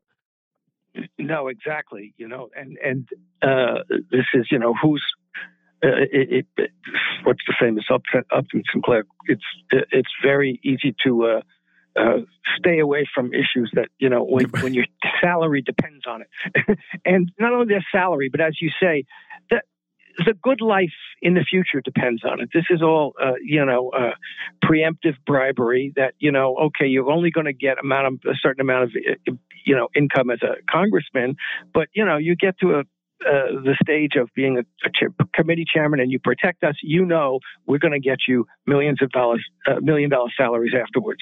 And you know, if you're a senator, you're going to get a ten million, ten million dollars, and if you're a president, you get hundreds of millions of dollars. And that's what they're all. That's the game they're all playing, and they know it. As you say, they don't have to be told that every day. They know it, and we see it in action. So you know, but there is also the fact that they have six ways from Sunday to get at you. Mm-hmm. First of all, they can get you. You'll lose the next election because they'll pour all the money they need into it, and they'll find something in your in your past that they're going to use against you. You know, and that's what they're doing to Trump. And it's it's uh, uh, you know they don't like you, they're going to get you. Uh, so you know, this, and they all know, it. as you say, you don't have to be giving them this, uh, calling them on the phone and reminding them every day. They know it. So they know it's good for them and they know it's bad for them. And the, the, the national security state has the ability to provide either. And where, if, if I remember correctly, can you point me to where I can find the uh, Ghislaine Maxwell list of uh, of of, of uh, clients there, uh, uh, Jim? Exactly. Nobody knows where who Jeffrey Jeffrey Epstein's clients were. I mean, that was a huge nobody follows up on that. You know, why not? I mean, this was a huge intelligence operation, probably run by Mossad. Ghislaine Maxwell's father was a very a prominent Mossad agent. That's known fact. Uh, he got a state uh, funeral from the Israeli government who said he was one of the one of their most uh, effective, important agents. And uh, uh, you know these residences in uh, New York and in on the Lolita Island were equipped with cameras and recording devices, and that's all in the vault somewhere. And everybody knows you know, everybody who was involved in it knows that they were and knows that those videos are in the vaults and someone has them and they can use them. So we don't hear about this. This is not covered, you know, but you'll get a billion. I mean, how much Donald Trump overvalued his real estate in New York to get a loan, and we have a thousand articles and court cases about it. You know, this is like uh, dog bites man, and it, it's a it's a huge subject. And uh, uh, you know, but who were Ghislaine Maxwell's client? Uh, who were Jeffrey Epstein's clients? Right. What were they doing? Where is this? Where where are the the the, the tapes? They know there were uh, recording equipment there. Where is it? Yeah, we'll never find that out. All right, now um, we only got a couple minutes, but a lawsuit has targeted targets the Biden administration over complicity in Gaza uh, genocide. The Center for Constitutional Rights have filed a lawsuit against Joe Biden, Antony Blinken, and Lloyd Austin. I mean, there is a total and complete disregard for international law, much less morals here, with the with the terrible things that have been said by the leaders of Israel. They've literally said we're not going to differentiate between civilians and, and, and, and members of this of the military operation, Jim. Yeah, of course. Look, as the the, the this woman, I forget her name. Great, she gave a great talk the other. I saw uh, uh, the special rapporteur for Palestine. You know, this is an example, the only example we have of people just explicitly and blatantly announcing their intent to, to genocide, to, to commit genocide. I mean, eh, the intent is all there. So the, the issue here, of course, is you know what's this lawsuit going to do? You know, I think at the end of the day, it's uh, uh, it's in the, in the best sense, it's for publicity. I mean, they're probably not going to get anywhere with a lawsuit. Although the, the grounds on which they have the lawsuit are that there is the United States ratified and accepted the Convention Against Genocide. So therefore, a ratified treaty is American law. and and the, the, courts are are bound to uphold it. I saw this when I was teaching in Princeton. There was a group of students who who, who blocked, you know, the the street going to the institute, the IDA, Institute for Defense Analysis, which was an organization that plans nuclear war scenarios, whatever. And so the Princeton borough brought them for you know trespassing, and the Princeton borough judge was there, and they expected the students to to argue free expression. They go, no, no, we're not arguing free expression. We're arguing that we're upholding the law because it's the law that prevents these kinds of weapons from being. And they brought in, you know, Richard Falk and other international law scholars from Princeton, this poor judge, and he was like, they, they pr- pr- proposed this this legal theory, which was the reason theory. You can break a, a, a minor law to prevent a a, a, a, bigger law from being broken. And this, these laws, these treaties, the United States signed have the force of law in the United States. Of course, the judge in Princeton Borough didn't know what to do about it. This, uh, and they, they they lost that. And certainly, they're going to lose this case in the, in the in the federal court, which will say we're not going to get involved with uh, foreign policy matters, no matter how blatantly illegal they are. But it's a good thing that they do this because it puts it on the agenda. All of the people who support this, Center for Constitutional Rights, Children's International for Palestine. It makes it, puts it in the public consciousness. It makes the government come out and defend it and come out and say essentially, oh, yeah, we signed this, this uh, uh, convention against genocide and we ratified it, but we're not going to pay any attention to it. So you have to do these kinds of things. And it's a good thing they're doing them. It raises public consciousness about how hypocritical and uh, uh, how they use these laws instrumentally and just for their own purposes. Well, the other thing I think that is important is these lawsuits take time, right? And, you know, this, let's say it's over in 30 days, 60 days, whatever. At such time it's over, you know, they want to close down the um, the discussion of it. They want to say, okay, it's all over, let's move forward. Well, the reality is there is the United Nations. There is international law. There is international criminal courts. And as people continue to move on those, we need to at some point put these people people on the hot seat and make them say, This is international law. You have violated it. You're going to have to come out and just say, I don't care, forget it. Uh, yeah, I violated it, or try to worm your way out of it some kind of way. But I think it's important to put them on the hot seat, Jim. That's exactly right. That's what I'm saying. You know, it's important. You know, this is not a problem that's going to be solved in the courts. It's not a judicial problem. It's a political problem.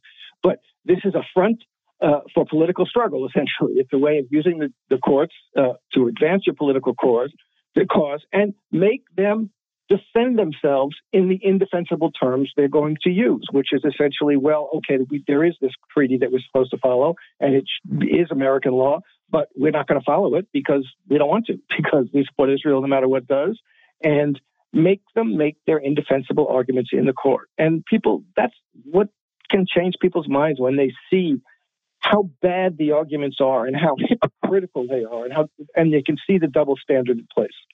Yeah, I, I, certainly agree. You know, what we're seeing is, again, you know what I think too, and this is critical right now at this time as particularly the Blinken people argue this rules based international order, which is nothing more than, you know, the U.S. empire is the hegemon. That's really what they're saying. But as they make this argument, it seems to me that the rules based international order is an attempt to supplant the United Nations, supplant international law and the UN, uh, United Nations Security Council, so that when it benefits them, they can say, well, the Security Council made this ruling and you didn't go by it. And when they when it doesn't, they can just ignore it. And I think think it's it's forcing the issue.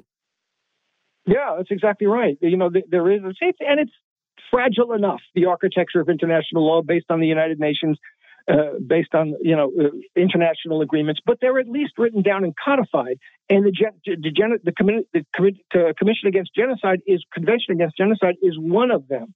Uh, you know, as is the Fourth uh, Geneva Convention about collective punishment. So these are things that are that are in international law. And even though they're selectively uh, enforced over the years, at least there's these are the things that the nations of the world have agreed upon. This rules-based international order is the Americans saying we make the we make the rules and you follow our orders. And what what Russia what Putin has been saying all along is where are these rules written down? Yep, and yep. you know what they're doing is trying to replace the agreed upon, actually written down rules of international relations and international law with things that the United States makes up every time it wants to do something. Yep. And that's what's going on. All right. Thanks a lot. We've been talking with Jim Kavanagh. He's a writer at The Polemicist and Counterpunch. You're listening to the Critical Hour on Radio Sputnik. I'm your host, Garland Nixon. There's more on the other side. Stay tuned.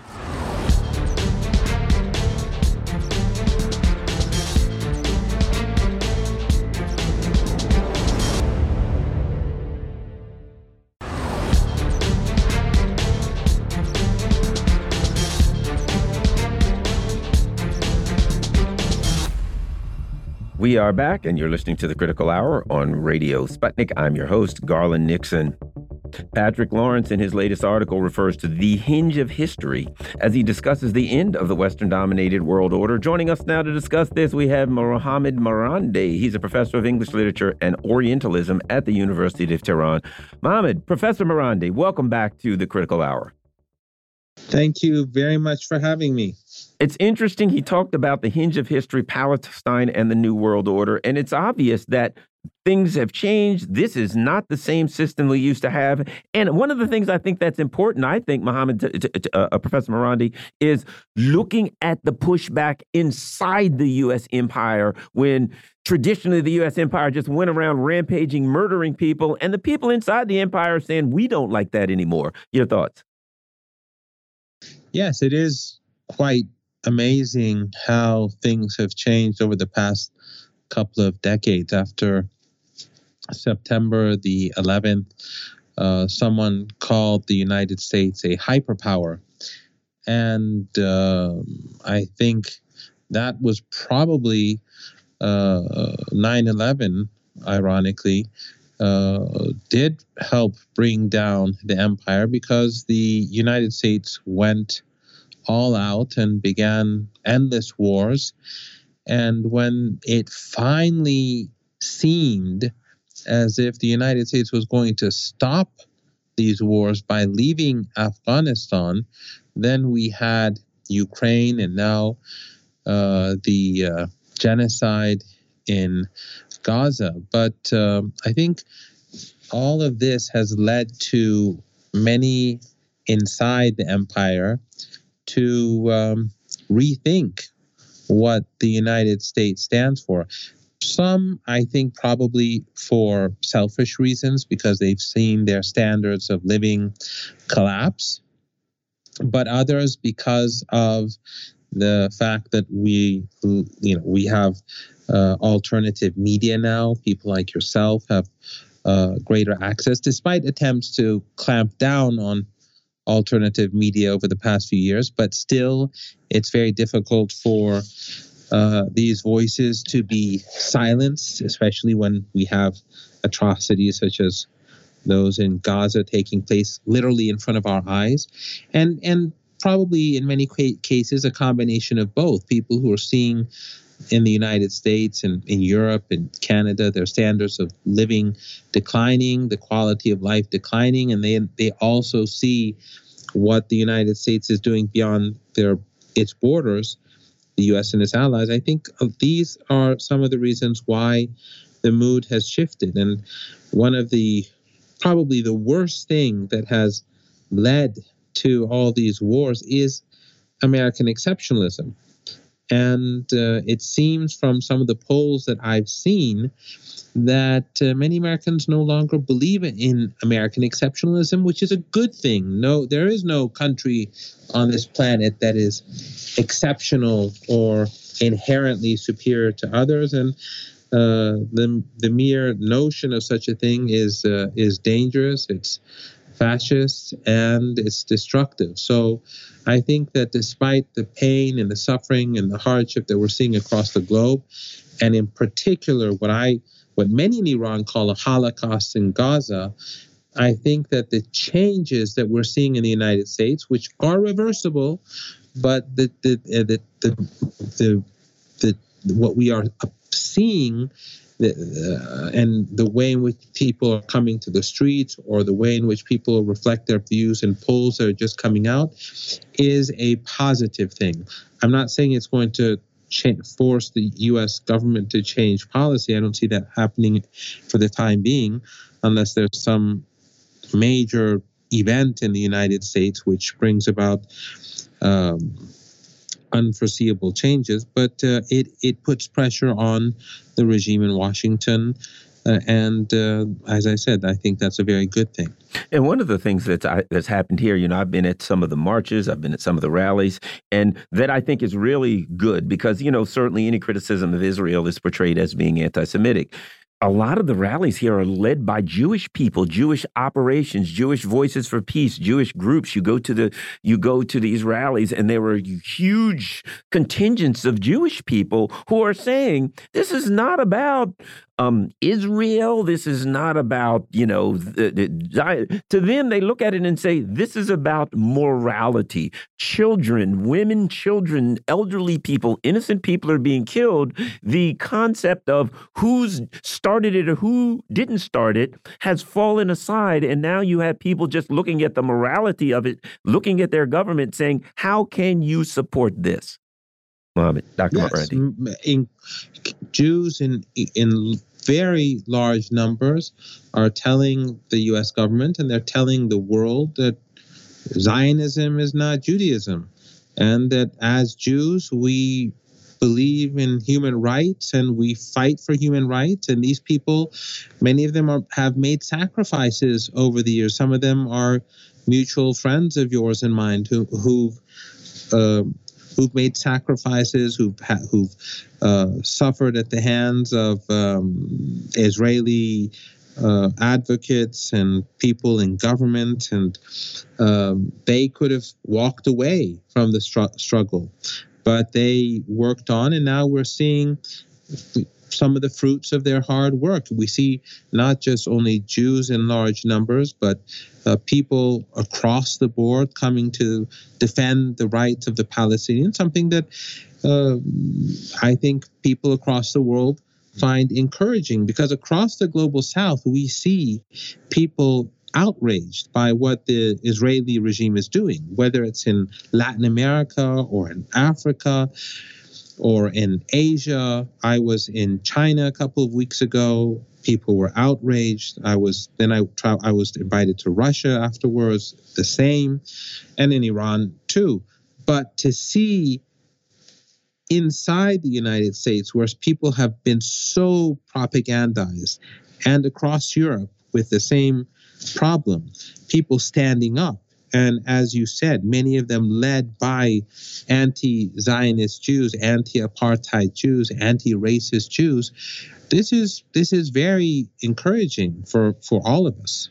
Well, there's a historical context here. So, as a black person, I've said this. You know, I have shows on other uh, uh, places, and and and and of course, you know, I do my podcast. But one of the things that I've said as a black person it feels like what they did to us. It feels like, you know, and I'm not saying looks or sounds or through studies, I'm saying intuitively, it feels like what happened to the Native Americans. It makes me read books about the Nat Turner revolt and the, the Haitian revolt. And when you see this, the centuries of colonialism for people like me, and there are a lot of people with my type of history in the Western world say, this doesn't feel right. Hey, wait a minute.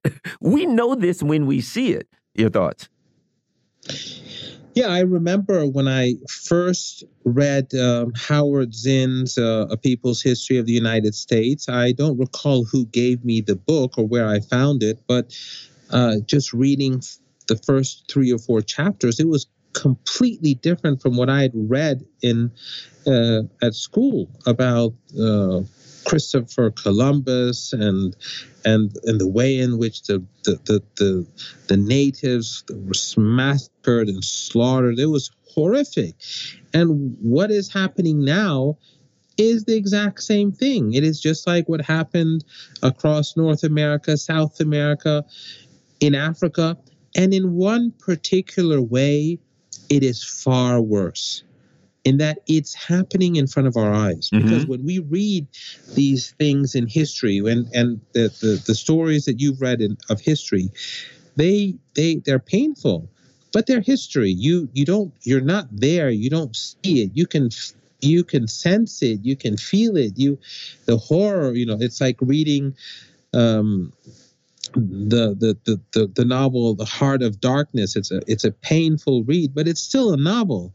But this is, you know, in your face. You wake up in the morning and you check your uh, social media accounts and it videos of of kids with smashed heads and broken bodies and pa- families massacred it's it's just horrific. It's live in front of you, and then you see the U.S. government and Europeans saying no ceasefire, and you see Western leaders saying no ceasefire. The the the, the Holocaust must go on. This is what makes it even worse. Not that the numbers are greater or that they're murdered in a more horrific way. I'm sure they're all equally uh, horrifying, all of these historical genocides. But in the past, even Saddam Hussein, who, you know, I lived through the Iran Iraq war and I survived that war, even Saddam Hussein didn't try, he didn't show his massacres mm-hmm. on television. You know, he at least pretended that he was something else, even though he was gassing people with Western chemical weapons, of course, using Western jets to drop those chemical weapons on people like me and on towns and cities and so on in Iraq and Iran. That that uh, we can leave that for another time. But he never bragged about it. He never put it on TV, on social media, and then said, no, we're going to continue with these atrocities. He'd pretend he didn't do it. Yep. Well, we thank you very much. Certainly appreciate you uh, uh, uh, uh, taking time out of your busy schedule to talk with us. Mohammad Marandi is a professor of English literature and Orientalism at the University of Tehran. You're listening to the Critical Hour on Radio Sputnik. I'm your host, Garland Nixon. More on the other side. Stay tuned.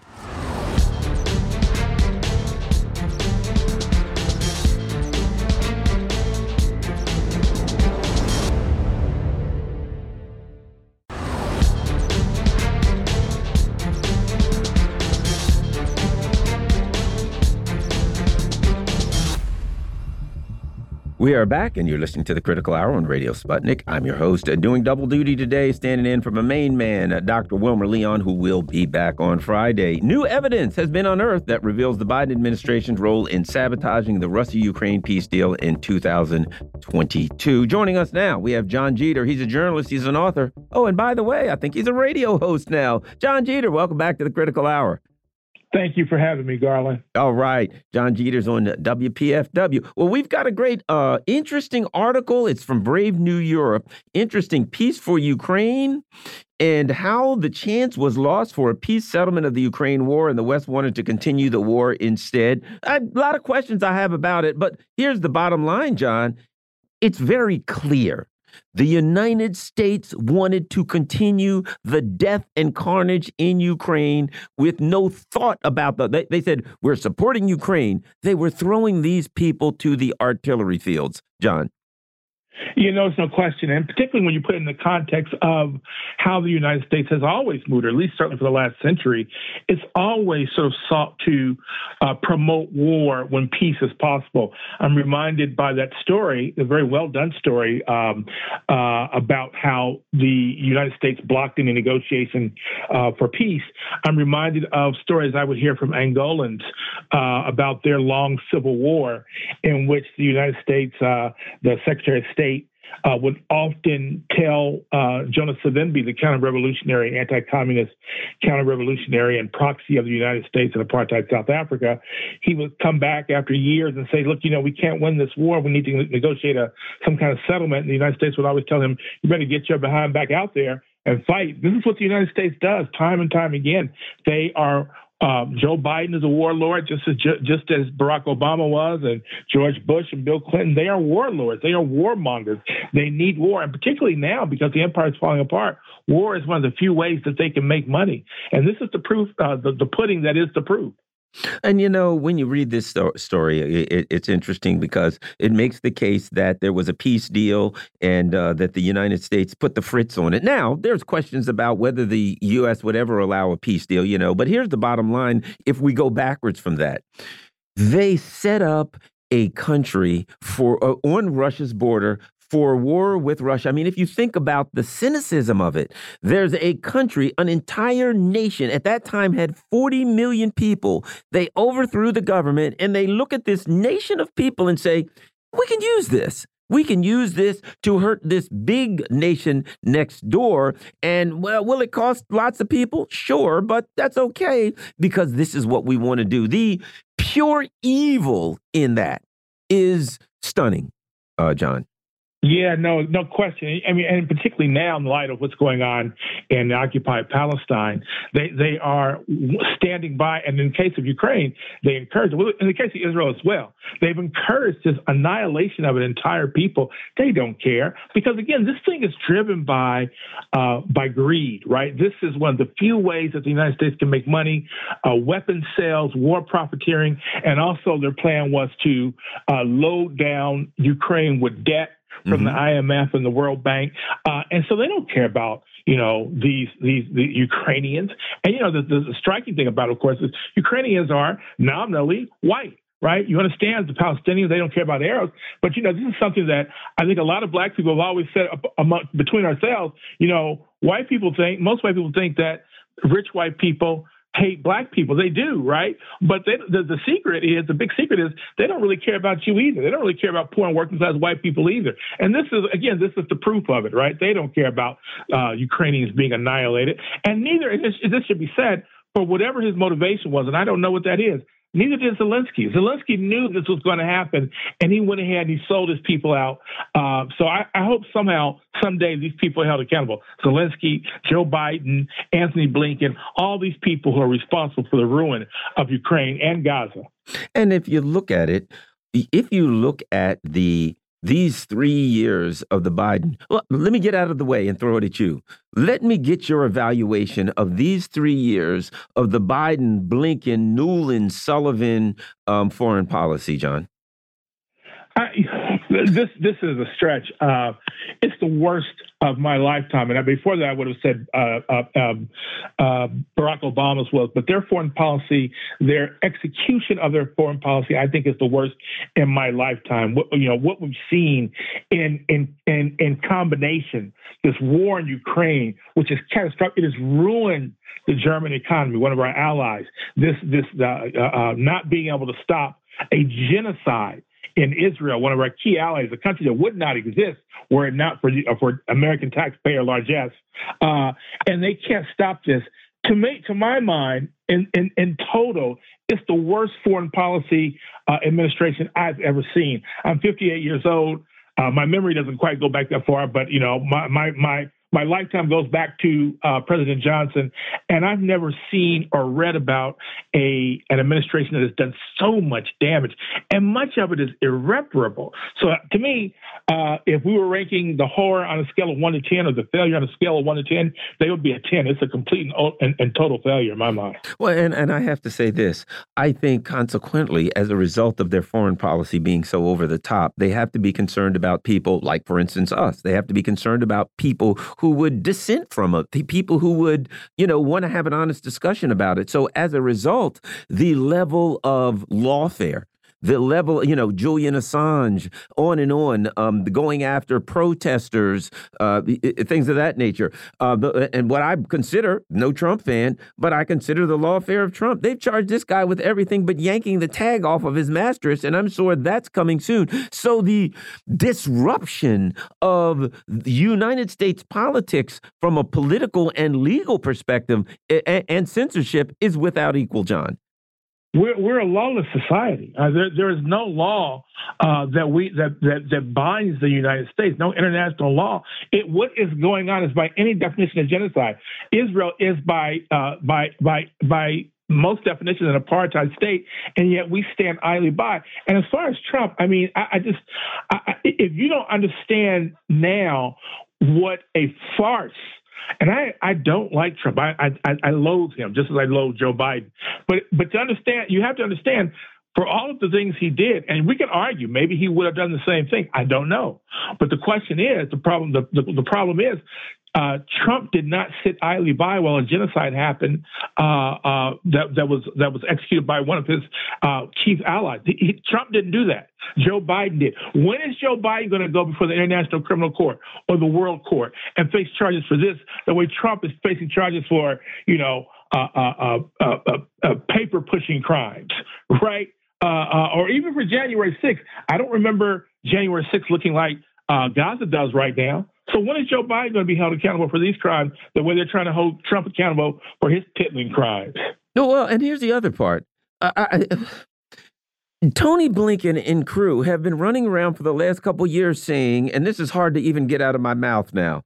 The Chinese are involved in a genocide against the Uyghur Muslims. How's that look now, John, in hindsight? How's that one holding up? I mean, I just you know, and this is another thing. The, the, the media gives these people a pass.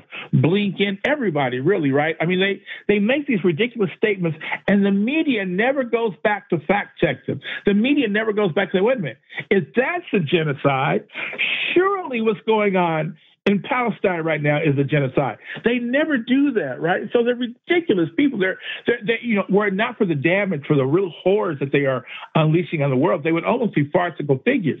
But these people are really dangerous. I mean, they're they have so much blood on their hands, and this is this is this is medieval stuff that we're witnessing right now, and and they just they just sort of skate through at least so far because I think the worm has turned. The world is, is standing up and seeing the horrors that are going on in in in, in, in Palestine. The first uh, live stream uh, genocide, as much as it's being live streamed, as much as people can live stream it, the first live stream genocide in history, and I think that I think this is going to take a toll. I think so too. You know, the thing about it is, there's a genocide in Xinjiang. Not one bomb was dropped. Not one dead person, not a body, not anything. But that's a genocide. And here we're watching a massacre of biblical proportions. Well, I want to thank thank you very much for taking time out of your busy day. John Jeter is a journalist and author. You've been listening to the Critical Hour here on Radio Sputnik. Thank you for allowing our voices into your space. On behalf of myself and my co host, Dr. Wilmer Leon, we hope you are informed and enlightened. We look forward to talking with you all tomorrow, right here on Radio Sputnik. Be safe. Peace and blessings. We are out.